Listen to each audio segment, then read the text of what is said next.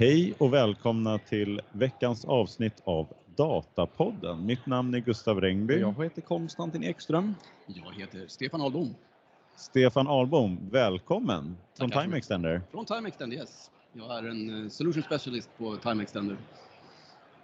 Vad kul att du eh, kom hit och, och ville vara med i, eh, som hedersgäst här hos oss idag. Stort tack för inbjudan. Det är nöjet är helt mitt. Mm. En sak Stefan, Ja. kom ihåg, du får inte titta på mig. Nej. Du måste titta rakt in i mikrofonen. I bastun. Precis. Vi pratade här innan om att man ska sitta som i bastun och titta bara rakt framåt, och bara så att man liksom får, eh, ja, kommer med i mikrofonen. Är lite speciellt idag också. Eh, eh, vi, spelas, vi spelar in idag från Data Innovation Summit. På, så att det är lite sorl som ni kan höra här i bakgrunden. Men vi tyckte att det passade bra här till Datapodden. Eh, eh, innan vi går vidare Stefan, vad, du sa att du jobbar på Time Extender. Vad är det för någonting? Det är ett eh, automationsverktyg för att bygga en dataplattform helt enkelt. Eh, vi automatiserar allt från in, in, integrationer mot datakällor, mot eh, bygga pipelines för data och, och även eh, modelleringen utav data warehouse och eh, föra ut data till olika ehm, um, BI-verktyg. Så att det, det var Time Extender gör på, ett- på ett väldigt smidigt och enkelt sätt. Ja, ja väldigt bra. Ja, men, ja, vi är ju på Data Innovation Summit. Eh, bara för att nämna lite grann då. Det här är ju den största, skulle nog säga, största konferensen inom data i Norden va? Mm. Får man väl säga. På plats här, Kistamässan. Ja, eh, och de kör ju årligen den här eh, grejen. Jag tror vi har varit med i stort sett varje år med Run of Forest. Mm. Eh, men det är första gången vi kör Datapodden här, så det är lite premiär. Kanske att det blir nästa år också. Men det är jättemånga. Jag tror att det är över 100 utställare. Över, vad, vad sa vi? 3381 besökare totalt. Och då är några eh, hybrid, online också av dem. Ja, just det. Men eh, det är väl säkert nära på 3000 besökare här. Ja, Eventet sen- är ju slutsålt. helt slutsålt Bara till och med. sak. Ja, det, är- det är ändå stort. Eh, Och eh, liksom massa företag, både liksom produktbolag, det finns konsulter, det finns en del liksom som bara jobbar mycket med data i sin linjeverksamhet också, Mm. som finns representerade. Eh, De största, de här, jag- bara skrev upp de största eh, partnerserna här till själva konferensen är ju Snowflake, Databricks, Domino, Streamsets, Click, Alation, Google Cloud, IBM, Hewlett Packard. Även hårdvaru, eh, liksom, försäljare här, eller leverantörer. Informatica och Cloudera. Mm. Är de, det är de som har köpt stora paket här för att få ställa ut lite extra mycket. Time Extender är här också Absolut. och Run of Forest. Vi har till och med flaggor utanför entrén här. Det är Ah, vad härligt! vi Ja, då, klistermärken på golvet. Ja, och, an, och anteckningsblock fick man också när man kom in. Ja, det- det är kul. Det Ja. syns. Ja, det är ju jätteroligt. Mm. Ja, och vad är det? Apropå, det är ju nordiskt. Så det är ju 50 i Sverige. Allting är ju på engelska här. Mm. Och eh, sen så har man cirka 20% från Danmark, Finland, Norge av besökarna och så resten är från ja, 40 andra länder och sånt där. Det, Det- är, det är väldigt internationellt. Vi hade en eh, workshop igår. Då var det ju fler från andra länder än från Sverige. Vi hade en från Singapore som hade varit på samma mässa i, i Singapore och kom hit. Ja, det är ju Ja, spännande. det är jättehäftigt. Nej, Det är nästan så att man blir förvånad. Jag, jag har också stött på några så här, jag, vi är från London. Varför har ni ingen sån här konferens där? Nej, men vi vill ha lite koll här åka hit. Mm. Eh, och München stötte jag på någon också här eh, Mm. som pratar om. Så det är lite roligt sådär att, eh, att Kista får vara centrum här för, för så mycket. Ja, verkligen. Så bra ordnat av Hyperite som de heter som ordnar den här. Men vi ska gå vidare, vi ska inte prata för mycket om det här. Jo, vi ska väl nämna någonting. Vi vill inte gå in för mycket, men eh, finns Konstantin, finns det några intressanta som har varit här och talat? Det är ju massa olika produktbolag och sådär, men det var Ja, någon men det- speciell keynote. Precis, det är ju framförallt en då. Ehm, och det var att Marcus Wallenberg var här som keynote speaker och inledningstalare. Ehm, jag hade inte möjlighet, möjlighet att gå själv, men jag, jag har pratat med många andra som, som lyssnar där. Och bara, alltså, bara att han är här och uppmärksammar data, det tycker jag är extremt stort.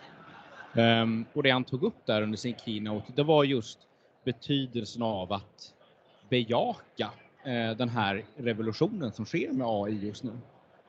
Och att de uh, är medvetna om det på väldigt hög nivå och, och um, som vill, behöver följa med. Att det också var ett av framgångsrecepten i, i deras resa, att de har klarat sig um, och utvecklade verksamheterna så väldigt länge att de har, de har faktiskt omfamnat det nya och um, byggt vidare på när det är stora skiften. Ja, det är ju, det är ju roligt. Det är, det är ju kul att vår bransch växer så mycket, för det är ju kul för oss mm. som är i den här branschen att få vara här och ha vind i seglen på det här sättet. Mm. Vad är det nya... man säger? Data är den nya oljan. Ja, precis. Ja.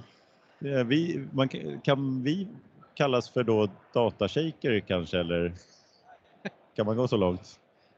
Nej, jag vet inte. Men vi har tre artiklar idag också. Mm. Vi tänkte att eh, jag skulle börja. Varsågod.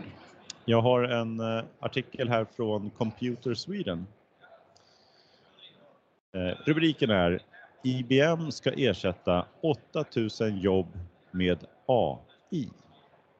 Den är från 2 maj eh, 2023, då, Computer Sweden. Och eh, vad handlar den om då? De säger det att IBM planerar att ersätta upp till 30% av arbetsstyrkan som arbetar med backoffice och HR inom bolaget. Det är så många som man tror eh, kan ersättas då av AI-tekniken. Och det här säger då IBMs eh, VD Arvind Krishna till eh, Bloomberg. Och det här ska ske på fem års tid tror de att eh, då är 30% borta av de här och så har man det med AI. De har alltså 26 000 anställda idag. Så då blir det cirka då 8 000 då av, av de här som försvinner om 30 går. upp. han pekar ut då att här, det är liksom administrativa uppgifter som till exempel då, som man tar upp då, att skriva arbetsgivarintyg eller flytta anställda mellan avdelningar. Det är sådana liksom aktiviteter då som ska automatisera. Men den säger också att däremot lär uppgifter som att utvärdera de anställda klara sig från AI-vågen eh, här. Då. Så att eh, utvärdering av anställda, icke okej. Okay. Eh, domar i, eh, var var det någonstans? Där kan man använda AI, men inte utvärdering av en anställd. Nej, men det var väl Malaysia tror jag. Malaysia. Ja. ja, eh, de noterar här också att samtidigt här så har ju IBM aviserat att man ska skära ner 5000 jobb mm. Eh, i, liksom, i närtid här också. Men så har man också anställt 7000 personer så det är ju en, eh, det är ju, ja, kanske att det här 8000 blir ganska lite i förhållande men ja, det är vad man säger transformation av, en, av kunskap egentligen. Så att det går från repetitiva tråkiga uppgifter ja. till att faktiskt bli ett kreativt arbete istället. Ja, mm. ja precis. Ja, vad tror ni? Är det här en bra indikation här på ett AI business case? Tror ni, eller eh, som IBM eh, presenterar här? Alltså när man... 30 procent. Ja. Alltså det brukar ju regel vara så när man, de artiklar sett som handlar om just Ehm, AI liksom, i appliceringar, då mäter man ju ofta det, eller man sätter det i relation till yrken. Vilka mm. yrken kan man ersätta? Och detta är väl ett exempel på, på, på, på just det. Ja. Um, men, ja. Det har väl varit en pågående resa väldigt länge. Jag tänker liksom digitalisering och sådär. Uh, men det blir väl ett, ett, större hack nu i och med att ja. det här blir en liksom, lite revolution av det hela så att det blir ett större hack än så att man kanske tänkte att detta kunde ske över en längre period annars. Ja, precis. Fem år är ganska, det, man har ändå lite tid på sig att, att bygga de där systemen. Mm. Kan vänta ett par år så gör man det på slutet där. Ja. Jag skulle tro att eh, många saker som AI kommer lösa och fixa åt oss. Det kommer gå mycket fortare än vad vi tror. Det är lite mm. det man ser på någonstans. Ja. Fem år kan låta som en kort tid för det här, men Och det kanske gäller just för att det är mycket människor med i bilden. Man tänker sig att AI ska skriva kod åt dig och så vidare. Det tror jag kommer gå mycket fortare. Ja, det är sant. Men det är väl liksom 5000 tjänster. Det, det är bara att liksom ta in AI-folk som ska bygga komponenterna för att ersätta det. Det kommer ju ta tid ändå. Ja, För det där är ju väl en flaskhals ändå. Vi, vi är ju inte fler än vad vi är i den här branschen. Kan man säga. Det är alltid en brist på, på kompetens i den här branschen. Ja. Eh, men vad tror ni då? Är det, är det den här large language model eh, liksom, eh, delen som är drivande eller är det någon slags RPA i allmänhet eller är det något annat som man menar här med AI? För det är de inte helt tydliga med. Är det en sammanslagning av allting eller vad är det som du tror kommer vara mest drivande i det? 5000 bort. Alltså man bör, bör, bör, bör tänka rent hypotetiskt, är det ett svepskäl också? Att man är, säker, man är ganska säker på att man kan ersätta de absolut merparten av jobben faktiskt med AI. Men att man passar på lite grann och har det som svepskäl också. Ja, just det. Ehm, Mm. Så kan det ju vara. ja, det är ren spekulation, Ja. men ehm, vad säger Ja, du? Jag misstänker, alltså, så här, häfta lite grann så borde det väl vara en blandning av RPA och, och, och annat också. Så att det, jag tror att AI och RPA, det, det, det kommer bli en blandning av lösningar som, som, som Ja. växer fram som kommer Mm. lösa helheten. Ja, verkligen. Ja, så är det nog. Eh, Men jag, jag funderar på, ska man se det här som att man eh, eh, liksom eh, gör reklam för sina egna AI-tjänster eller är det mer allmänt som de tänker sig IBM? Men det är faktiskt en riktigt bra fråga. Det är lite produktplacering här kanske att gå ut med en sån här. Det är bra för dem att göra det. Ja. Det Kan skulle, vi hjälpa andra företag med det förstås? Eh, ja, men om det var ett helt annat bolag som inte sålde AI-tjänster, Mm. kanske man skulle mer lita på siffrorna här. Absolut. Men ändå, jag, men jag tycker ändå, det här är ändå eh, kul att se vilken, eh, vilken våg av affärsnytta. Mm. Om det nu är 5000, 8000 eller ja, vad det nu kan vara. Så, så är det väl roligt att se den här typen även om eh, kanske IBM skulle kunna vara partiska. Lite grann. Ska vi gå vidare? Ja, jag tror det faktiskt är min tur just nu. Ja. Ja, och eh, precis lite grann som en politiker, eller beroende på hur man ser på det, så tänkte jag denna vecka uppfylla ett litet löfte som jag gav i avsnitt 50. Eh, där jag redogjorde för hur olika BI-verktyg använde AI, GPT eller ChatGPT. Och det är ju så att Salesforce har ju gått all in vad gäller generativ AI i deras applikationer via deras egenutvecklade AI-system Einstein. Men nu, eh, du, du, du. och denna möjliggör då att man lite automatiskt ska kunna interagera med kunder som en eh, chatbot, generera e-mail och boka möten etc. Men eh, när jag pratade om det då, då fanns det vid tillfället bara en knapp på Tableaus hemsida som heter Meet Einstein. Så att man visste, vi visste inte riktigt så mycket där. Men nu har det däremot hänt saker. Mina damer och herrar, låt mig få presentera Tableau GPT, powered by Einstein. Så vad kan man då göra med Tableau GPT? Och likt många applikationer som Thoughtspot till exempel så kan man chatta med sin data. Och likaså kan man Eh, i tablå utifrån en fråga skriven i ren text eh, generera visualiseringar. Och det kan vara allt från vattenfallsdiagram och stapeldiagram till lite mer komplexa som värmekartor och skatteplots. Ehm, jag blir lite nyfiken på hur den reagerar. Man ber att få det eh, vi emellanåt kallar den heliga graalen, det här bubbeldiagrammet, gärna med en liten timelapse alla Hans Rosling. Ehm, så den ser jag fram emot att testa. Men vad, vad betyder då detta? Eh, Man skulle kunna säga att det följer low code, no code trend och sen nöja sig där. Eh, Men vad det egentligen innebär, det är just det att man öppnar upp för en mycket bredare användargrupp som i många fall har stenkoll på datat och domänen, men kanske inte har tiden eller möjligheten att lära sig eh, att bygga rapporter eller skriva olika typer av mått.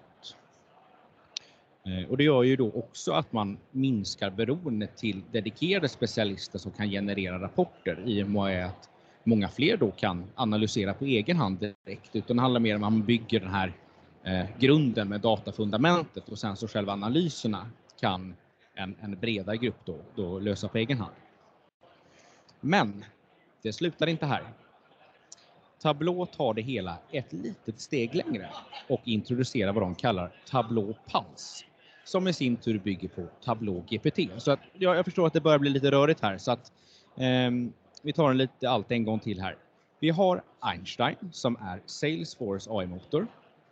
Einstein används för att skapa Tablå GPT som tillåter användare att chatta med sin dator och generera både kod och visuals. Och sen har vi Tableau GPT då, som används i sin tur för att skapa Tableau Pulse. Och då undrar ju ni vad hela friden är Tableau Pulse nu då, när jag tjatar detta ett par minuter. Och enklast beskrivet så kan man säga att det är helt enkelt ett nyhetsfeed med insikter i form av text och diagram som automatiskt genereras i tablå eller som kan publiceras till exempel Slack om man har en kanal där. Eh, och sen kan man även då chatta tillbaka och ställa följdfrågor och sådär. Eh, och det som skapas, det blir då helt enkelt ett personligt innehåll baserat på det man oftast tittar på eller ställer för frågor. Men även sådant som sannolikt är relevant, som att man till exempel har avvikande mönster i celldatat. Ehm, ja, man menar den här artikeln då att detta är en game changer. Eh, och genom detta menar de att alla i organisationen kan bli datadrivna, inte bara de som antingen kan koda eller bygga rapporter eller har tillgång till resurser som kan.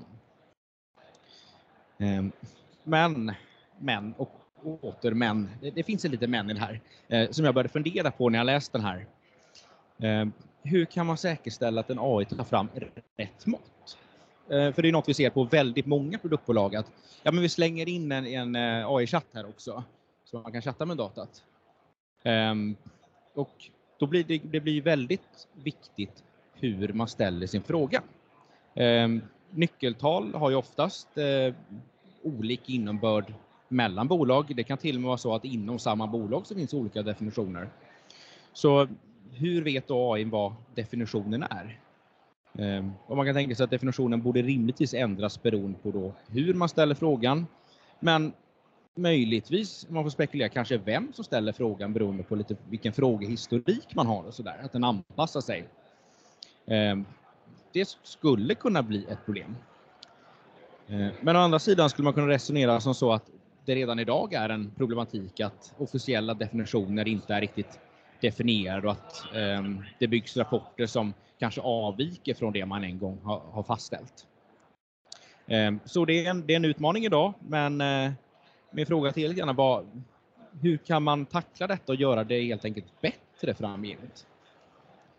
Det är ju en bra fråga. Det känns som man vill ju lägga händerna på det här och testa det lite grann bara för att känna hur fungerar det? Lite som man har gjort med, alla har gjort med ChatGPT nu och liksom provat sina, sina små verser och liksom julrim och vad det nu kan vara. Mm. Det här vill man ju liksom prova och se så här, ja, men det, det, låter ju roligt det här med att det liksom ska kunna komma åt datat enklare i andra system också tycker jag. Mm. Det här med Slack eh, implementation och så vidare. Det är ju rätt trevligt att kunna liksom, eh, de hade någon print screen där och då var det liksom då dyker Tablå upp som en, eh, liksom en chatbot eh, ser ut nästan som. Ja, precis. man liksom skriver till och, och den skriver till en själv. Mm. Jag gillar verkligen konceptet att den kan generera sig lite nya insikter, att den kan tänka lite, lite andra vinklar än man kanske själv tittar på. Mm. Det är ju fördelen, men samtidigt har du också den som ställer frågan måste ju också veta vad de ska använda datat till, att tolka datat. Så det är ju inte så enkelt som att bara ta fram grafik för att kunna få se datat som man har. Man måste ju också ställa rätt fråga mm. för att mm. faktiskt veta vad det är för någonting man får ut och kunna tolka datat. Mm.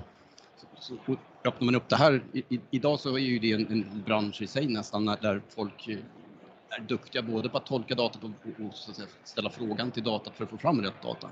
Mm.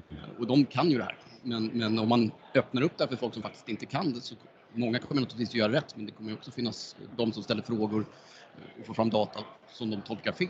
Mm. Så, så det öppnar upp. Mm. Mm. Stefan, kom ihåg, håll, var ännu närmare. Du måste vara, eh, jag, jag, tror det är mycket sorl idag så att det blir lite extra sådär. Men mm. eh, vi tänker att det är lite kul också eh, att eh, spela in här. Även om ni får stå ut med att det är lite sorl också i mm. bakgrunden. Men jag tänker ofta så tycker jag man ser på alla, de flesta printskits att man Oj, förlåt mig man får faktiskt med en, eh, exempelvis en SQL-fråga. Så att man Mm. kan härleda tillbaka när man sitter och testar vad, vad är det som faktiskt genereras. Så att man får ju otroligt stor hjälp där eh, under testningen då för att förstå vad, vad det är som faktiskt händer. Ja, verkligen. Nej, men man, man får väl säga så här, när, när, man, eh, när man alltid använder liksom en BI-expert för att skriva rapporter, då hade man liksom ett MART som var extremt komplext. Man la upp all data där. Och sen så, nu ska vi göra självbetjäning av data. Då var man tvungen att förenkla det liksom lagret så att det blev fin data där. Mm. Och nu blir det kanske ännu mer att man måste förenkla den modellen så att det inte går att göra liksom, det ska vara idiotsäkert på något sätt också. Ja, och det måste också bli otroligt viktigt med namnsättningar. Ja, Att det Verkligen. heter sales amount eller Mm. någonting så att det inte står vad det amount 2. mm. vad, vad betyder den? Ja, den var utan det här men med det här. Det, det vet Ja. ju inte Mm. eh, motorn då. Jag tycker det är lite roligt också att Tableau kommer här för det, grundaren av Click hade ju det här som en vision för massor av år sedan att man faktiskt skulle prata för att få fram ah, okej. Mm. visualiseringen av data. Så det, det är Ja. lite, lite kul. Det hade kanske varit ännu roligare om det var Click som kom med det då, som det var hans vision, men Ja, just det. Ja. Men det kanske kommer, man vet Det inte. det- får vi hoppas. Ja. Mm. ja, precis. För vi pratade ju om här att både Click, Tableau och Microsoft har inte riktigt släppt alla sina liksom, GPT-grejer. Så det lär ju komma någonting från Click och Power BI här också inom snart kan man misstänka. Ja, men det borde vi kunna förvänta oss. Eh, liksom Microsoft som har släppt eh, GPT i alla de andra. Det finns ju lite i Power BI också, men de Mm. har ju släppt liksom GPT till hela den här andra serien Mm. av liksom verktyg. Mm. Eh, Dynamics och deras CRM-system och överallt. Men ja, de sparar det här. Det blir liksom det bästa, Ja. hoppas vi. Ja, men eh, ja, är helt sant. Eh. Vad, vad, vad tror ni är liksom eh, tydligt bra case på det här? Då? När, finns det något så här, eh, någonting som ni tänker på där? Där kommer det här vara bra. Alltså, I försäljning eller marknadsföring eller finns det någonstans som är så här uppenbarligen? Nej, men jag tänker bara på, alltså, um, om man vill ha, det förbättrar ju verkligen självbetjäningen. Att kunna ta fram en visualisering väldigt snabbt. Mm. För det, det skulle kunna vara så att det är egentligen en ganska simpel, simpel grej att göra. Men eh, om man inte är liksom helt insatt i verktyget så Mm. eh, tar det en stund om man bara vill göra ett stapeldiagram på, på välordnad data. Ja. Ehm, så liksom börja enkelt och många som eh, vill snabbt ha någonting. Ja. Klippa in i någon powerpoint eller något sånt där. Mm. Eh, jag tror det kommer få väldigt stor effekt. Antagligen så borde man väl få se mer visualisering också. Eh, istället för att se e- Excel-slides och, och, och sådana här saker så borde man ju få se mer kreativ eh, grafik som faktiskt hjälper till och, Ja. och öppnar upp datat för folk istället. Mm. Sen tänker jag också på den här möjligheten att ställa följdfrågor. Den är bra. Ehm, Det, för blir liksom följdfrågor är nya drill down. Ja, men, ja, men, ja, men, ja, precis. precis. Ehm, för den kan ju ta ganska lång tid att bygga i vissa fall. Mm. Ehm, men här så blir den väldigt mycket enklare. Då. Ja. Men är det här döden för, vill man inte fortfarande ha ett dashboard som liksom ger överblicken ändå? Innan man börjar fundera eller? Men jag tänker mer att detta är lite mer för ad hoc-analys. För att en dashboard, det är för mig lite mer som ett styrkort. Du har dina Mm. mätetal, eller liksom dina nyckeltal som du följer upp. Håller helt med. Så eh, dashboard lever liv vidare i alla fall. Det är ingen eh, dashboard-dödare precis det här. Nej, Men eh, kanske lite eh, skicka Excel-utdrag på något special som någon vill ha fram. Ja, Den kanske minskar ja lite grann. precis, verkligen. Ja. Då behöver du inte ens ställa frågan till eh, någon eh, analysexpert utan du bara ställer den direkt till Tableau i Slack. Ja, men-. Precis. Och enkelheten att just skicka data vidare till andra också när du har Slack eller om du vill, Mm. nämner att du vill skicka ett e-mail till, till den här kunden eller någonting. Så det, det tror jag är delandet av data. Det, det, är nog nästan lika bra som man visualiserar. Man Ja. ökar, ökar den Mm. möjligheten. Ja, Mm. Ja, men eh, riktigt kul att se Mm. hur, eh, hur de här eh, rapportmotorerna också, eller visualiseringsföretagen kommer med de här tjänsterna också. Mm. Ska vi-. Ska vi gå vidare? Eller har vi några mer kommentarer? Ja, jag är riktigt spänd på nästa artikel här. Ja, här har vi en... eh, Det var lite roligt för det är vissa saker går tillbaka till, till det här. Så det, det, jag kommer ju prata om den här Bark-rapporten som släpptes för, för eh, tre veckor sedan tror jag att det är ungefär. Och det är en global undersökning som görs av Eckerson Group där man eh, tittar på vilka verktyg eh, företag använder, vilka problem de står för och vad de ska fokusera på för, för att komma framåt helt enkelt och använda data mer.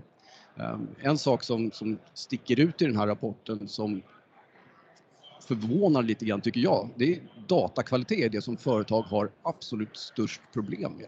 Och det tycker jag någonstans att det hade man ju problem med för 20-30 år sedan och man har fortfarande problem med det. Ehm, och Då får man ju naturligtvis bryta ner det här lite grann och undra så här, vad, vad skiljer företagen åt? Varför, varför har vissa problem med datakvalitet fortfarande medan andra faktiskt inte har det? De, de har bra data, de är datadrivna naturligtvis och så vidare. Då kallar eh, Bark-rapporten om för Best in class versus laggers, alltså de som, de som ligger efter. Och, och Best in class använder naturligtvis då automationsverktyg för att eh, ta hand om sin data och sitt datalager och se till att data blir rengjort och eh, framförallt kanske då möjliggöra för, för användandet av data. Eh, har man dålig datakvalitet så kommer ju det första som händer någonstans bli ju att, att eh, företagen och organisationerna de vill inte använda datat för de litar inte på datat. Ehm, det som också är intressant när man pratar om, om automationsverktyg ehm, det är ju att, eh, att eh, eller, vi backar ett steg faktiskt, det här blir lite roligt. En annan sak som företagen har jättestora problem med det är data democracy och det handlar ju om att de i organisationen som faktiskt ska använda sig utav data, de får inte tillgång till data. Så data democracy är att alla har tillgång till datat. Och här kommer vi då in till det här med, med tablå, eh, att man kan dela genom Slack och så vidare. Enkelheten hur, hur data kan, kan användas av olika typer av, av, av människor. Men där har företagen jätteproblem idag där ute. De, de sitter fast i, i en datamiljö med, med gamla eh, verktyg som är ihopkodade eh, med, manuell kodning som då inte går att eh, justera och förändra över tid och därav kan de inte få ut data till, till eh, olika användare helt enkelt. Ehm, de som då är bäst på det här, de använder automationsverktygen och då lyfter den här rapporten också fram Data Vault, då Data Vault 2.0 förstås. Ehm, och det här blir ganska roligt för, för ehm, de tillhör ju då best in class, de som gör det. Och dels så behöver man ju ha bra kvalitet och, och riktigt skillade eh, ingenjörer som faktiskt bygger de här datavoltsmodellerna eh, och man måste använda automationsverktyg för att bygga datavolt 2.0. Det, det går liksom inte annars. Um, och det man då kommer fram till att har man de två sakerna får man ju naturligtvis bra uh, data.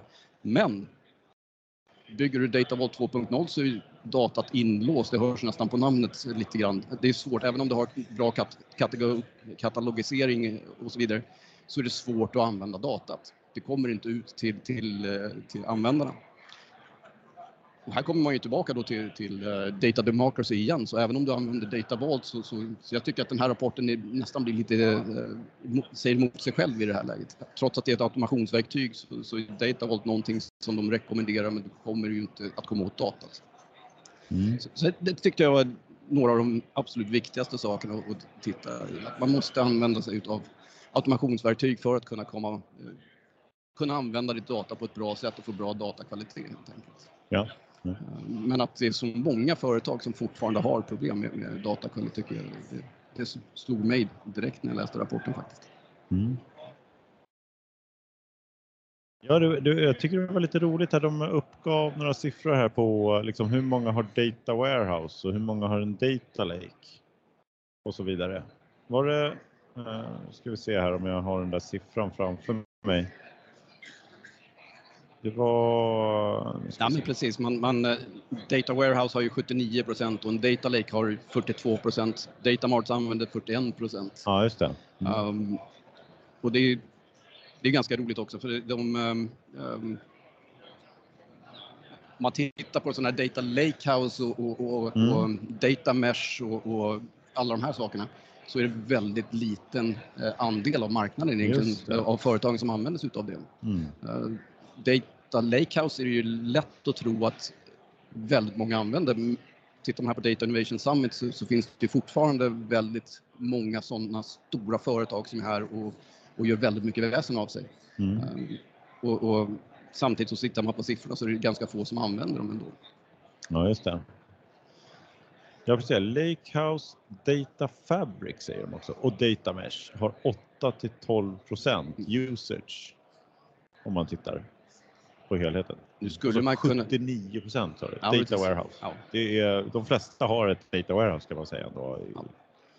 Nu, nu nu visar ju rapporten också att företag har flera olika plattformar så det kan ju vara så att eh, man alltid har en data warehouse. Sen har man i flera plattformar men sen så har man Mm. också då eh, kanske ett lakehouse eller liknande för, för, för andra saker. Så Mm. det, det är svårt att veta. Ja, ja.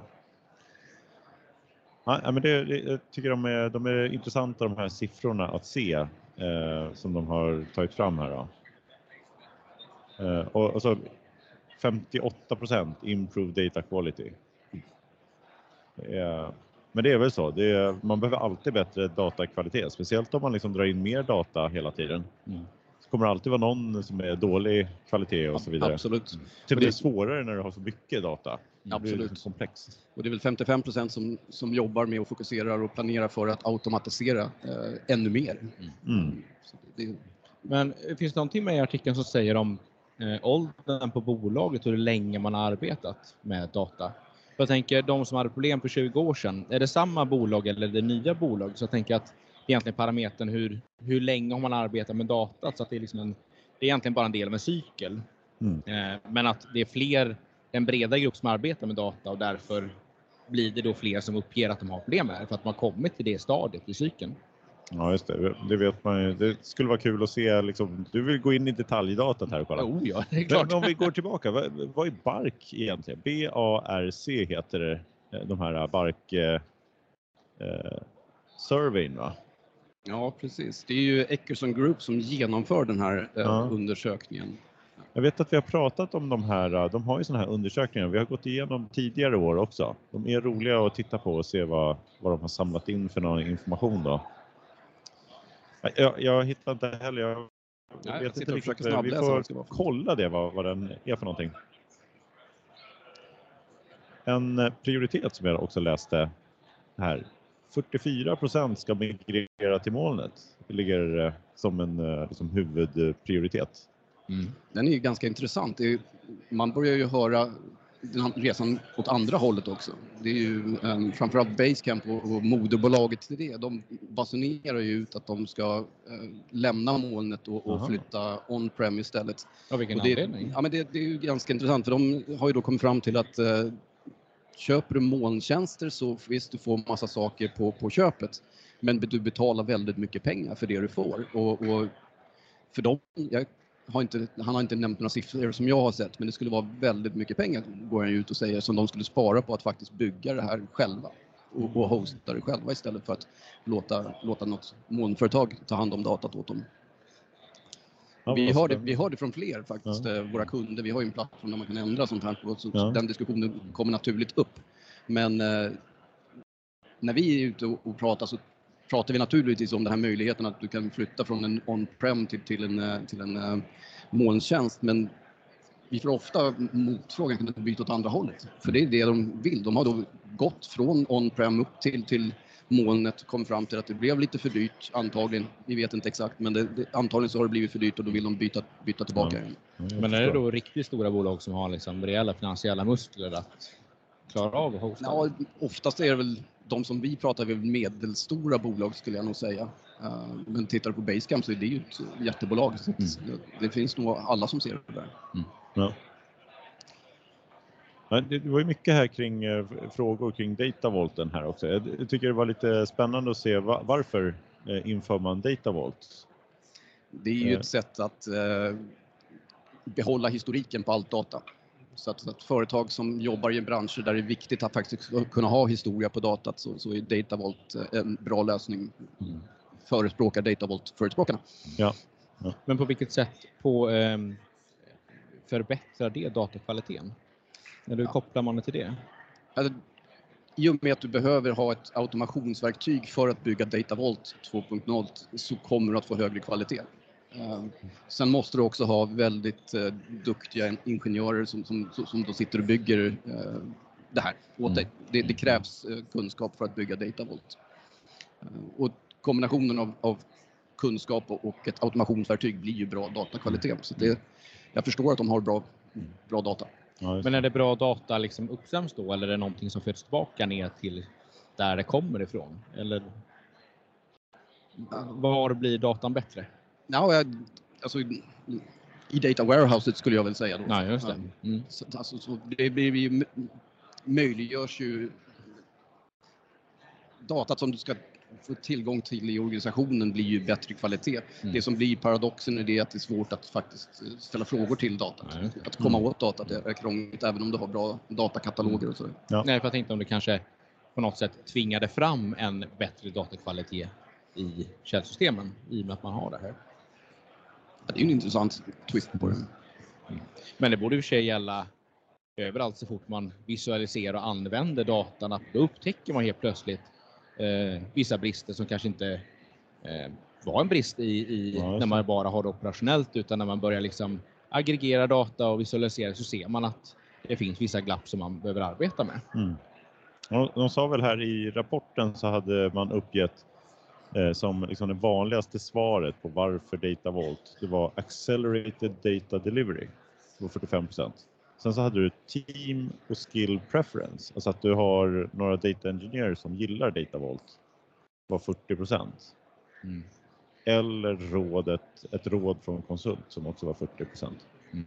så det var ganska, ganska ofta så verkar det vara liksom att det är personer i, skrået liksom, som, Mm. som gillar den modellen och tycker att det blir en bra, en bra liksom, datamodell med Mm. Datavolt. Kan man säga. Är Datavolt någonting som ni hör från era kunder att de vill bygga? Nej, jag skulle nog säga ga- ganska ovanligt faktiskt med att eh, Datavolt dyker upp som, eh, som mod- modell. Jag tror kanske att den har försvunnit lite grann med just Lakehouse och, och liksom att man bygger en, en sån lösning som också bygger med på Data Lakes så blir eh, då har nog det där hamnat lite i, i skymundan eftersom du kan lägga undan och ha historiken då i laken och sen så tar du fram det som eh, du har som du vet är relevant nu istället. Jag vet inte om Datavolt har varit särskilt stort i Sverige någonsin. i Nej, det kan nog Finland och, och, och Dachländerna är ju Datavolt Ja. populärt. Mm. Eh, Men även i Finland har, har vi vissa signaler på att det minskar i, i eh, prioritet bland Mm. företagen att bygga. Men vi har ju pratat lite om de här modellerna Datavolt tidigare. Mm. Eh, en sak som de tog upp här i modellen var ju, eller så här, vad var ju dåligt med Datavolt? Och då tog de upp bland annat Query Performance. Där Mm. vet jag att vi har haft en artikel tidigare som har liksom provat just med den här typen av liksom där man lagrar data väldigt utspritt i tabellerna. Det, det blir ju så att man, man kan liksom lägga alla attribut hamnar i egna tabeller nästan. Mm. Inte riktigt. Datavolt har någon slags eh, gruppering ibland också. Men man kanske lägger eh, liksom en, eh, ett informationsobjekt, kund, kanske hamnar i, liksom, att du har allting du ska historisera i alla fall hamnar i en egen tabell. Du har liksom kundnamn och kundadress och, Mm. och så får du sedan göra vyer som visar då datat. I slutändan när du ska titta på det så ligger det som en vy på liksom tio tabeller och så ser det ut som en, van, en tabell sen i slutändan. Mm. Eh, Det är väl lite Datavolt och Anchor Modeling har ju, vi har haft med Lars Rönnbäck som också har en, en liknande modell. Precis. Men där, där vet jag att vi gjorde, det var någon som hade gjort lite tester och sa att så här, nej men eh, prestandan blir, eh, den är bra. Mm. I, när han körde mot, mot sin då. Om han hade byggt Datavolt eller Anchor Modeling, jag ihåg. det var nog Datavolt här för mig. Men annars kan man väl höra en liten kritik emellanåt att det är lätt att få in data men svårt att få ut det. Mm. Ja, just det. Mm. Jag undrar liksom lite grann över den här definitionen på laggards Mm. mot de som var bra. Mm. Är det en självdefinition? Eller man skulle vilja se så här, vad är skillnaden i lönsamhet eller liksom affärseffekt ur, eh, på något sätt? Mm. Det är lite Eller att de- otydligt den där definitionen. Nu läser vi Executive Summary av den här. Men där, man blir väldigt nyfiken på vad, hur de har definierat de här två olika delarna. Det skulle man vilja se och se affärseffekten också på att du är bra på det. Mm. Ja, men du är inne på något. Man vill ju egentligen dyka ner i rådatat och titta på Ja, mer. eller hur? Det är ju så. Det är Ja. det som man vill åt. Ja, de, eh, de måste presentera allt. Och använda det i tablå så man faktiskt kan ställa frågan. Ja, precis. Exakt. Ställer vi frågan på en gång Ja, om ja. laggards. De tog upp här också en sak som de tar upp här som en viktig del, att många är ute efter att gå in i Datavolt 2.0 Mm. mot 1.0. Vad är skillnaden på dem? Det kan inte ens jag. Så mycket kan inte jag om Datavolt. Det är som sagt eh, inte lika vanligt här i Sverige. Jag har faktiskt aldrig jobbat med Datavolt. Nej, du, har- du har inte heller stött på det så mycket? Nej. Nej. Nej, det är väl så. Det, det, är väl, eh, det måste väl vara så att det är vanligare i vissa områden. Och det kanske, kanske det här just Team Skills Preference tyder på. Alltså att det är någon slags nätverkseffekt så här, på vissa, att du kan få vissa områden, så får du väldigt många som blir väldigt eh, inlärda i det. Ja, men så är det. Den här undersökningen är ju global säger man, men Mm. antalet svar på den här undersökningen är, är ju inte jättemånga. Nej. Den, eh, den, alla svar i stort sett kommer från Europa och Nordamerika. Ja. Och i Europa så är ju, framförallt i vissa delar, så är ju Datavolt mycket mer eh, vanligt. Mm. Mm. Ja, det. Det kan ju ligga någonting i det. Så kan det vara. Så kan det vara. Absolut. Jag, jag bara eh, googlade lite kort. Jag, jag har inte heller stenkoll på Datavolt, men de säger här att eh, den här första versionen var från eh, tidigt 2000-tal eller 90-tal till och med. Medan eh, den nya Datavolt 2.0 bara har liksom lite mer best practice. Den la till några olika lager i Business Vault, Raw Vault och, och Information Vault eller Data Vault. Det eh, låter väldigt likt som eh, man bygger i alla andra, liksom om man ska ha, eh, bygga en dataplattform så har man alltid tre lager ungefär. Mm. Cirkus. Liksom med råd, data och sen ett lager med där du lägger till affärsinformationen och sen presentation. Mm. Det där lät ju intressant med Datamorten där faktiskt. Eller vad, vad kallar de det? det? Det låter ju ungefär som att det faktiskt ska vara till för, för slutanvändaren. Så att det faktiskt ska gå enkelt att använda datat. Men det är inte riktigt det vi hör. Ja, de kallar den för Information Mart eller Data Mart. Tror eh, två olika ord, men det, ja, det låter nästan som en Kimball-modell där uppe. Mm. Absolut. Ja, eh, intressant att sätta sig in i de här eh, delarna. Och ja, data quality, det kommer man aldrig ifrån. Det måste man ha. Har vi någonting att tillägga här? Jag känner mig väldigt nöjd och väldigt glad. Vad säger du Stefan? Ja, Det här är ju spännande. Jag, jag skulle gärna faktiskt eh, bara säga att det är jättekul att vara med. Ja. Framförallt det. Ja, men Ja, det är ju superkul att du var här. Väldigt roligt att du ville bidra eh, och det tackar vi för på alla våra lyssnares vägnar också. Och eh, jag hoppas att vi ses nästa år igen då. Det här sänds nu på torsdag och då är Data Innovation 2023 över. Men då hoppas jag att vi ses Data Innovation Summit 2024. För där eh, ska vi ju vara allihopa, eller hur? Det vore jätteroligt. Det kostar lite pengar men vad har det för en, det betyder ingenting för en data shake som man säger. Eller hur? Med de orden Ja. kanske vi ska avsluta nu. Jag tror nog det är det är bäst nog så. dags. Ja, Vi, det vi tar börjar bli lite för uppsluppet. Tack så Bra. mycket. Tack så mycket. Tack så jättemycket. Hej då. Hej då.